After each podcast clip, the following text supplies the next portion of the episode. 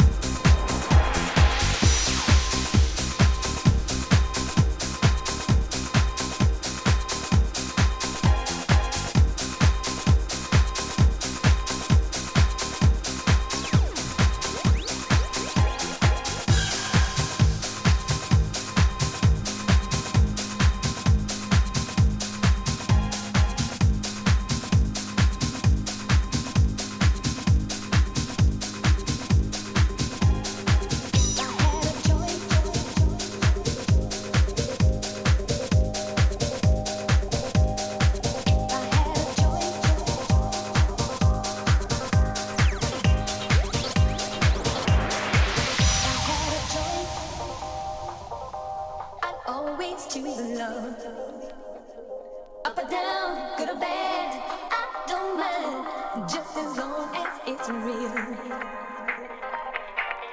had a choice, always choose love.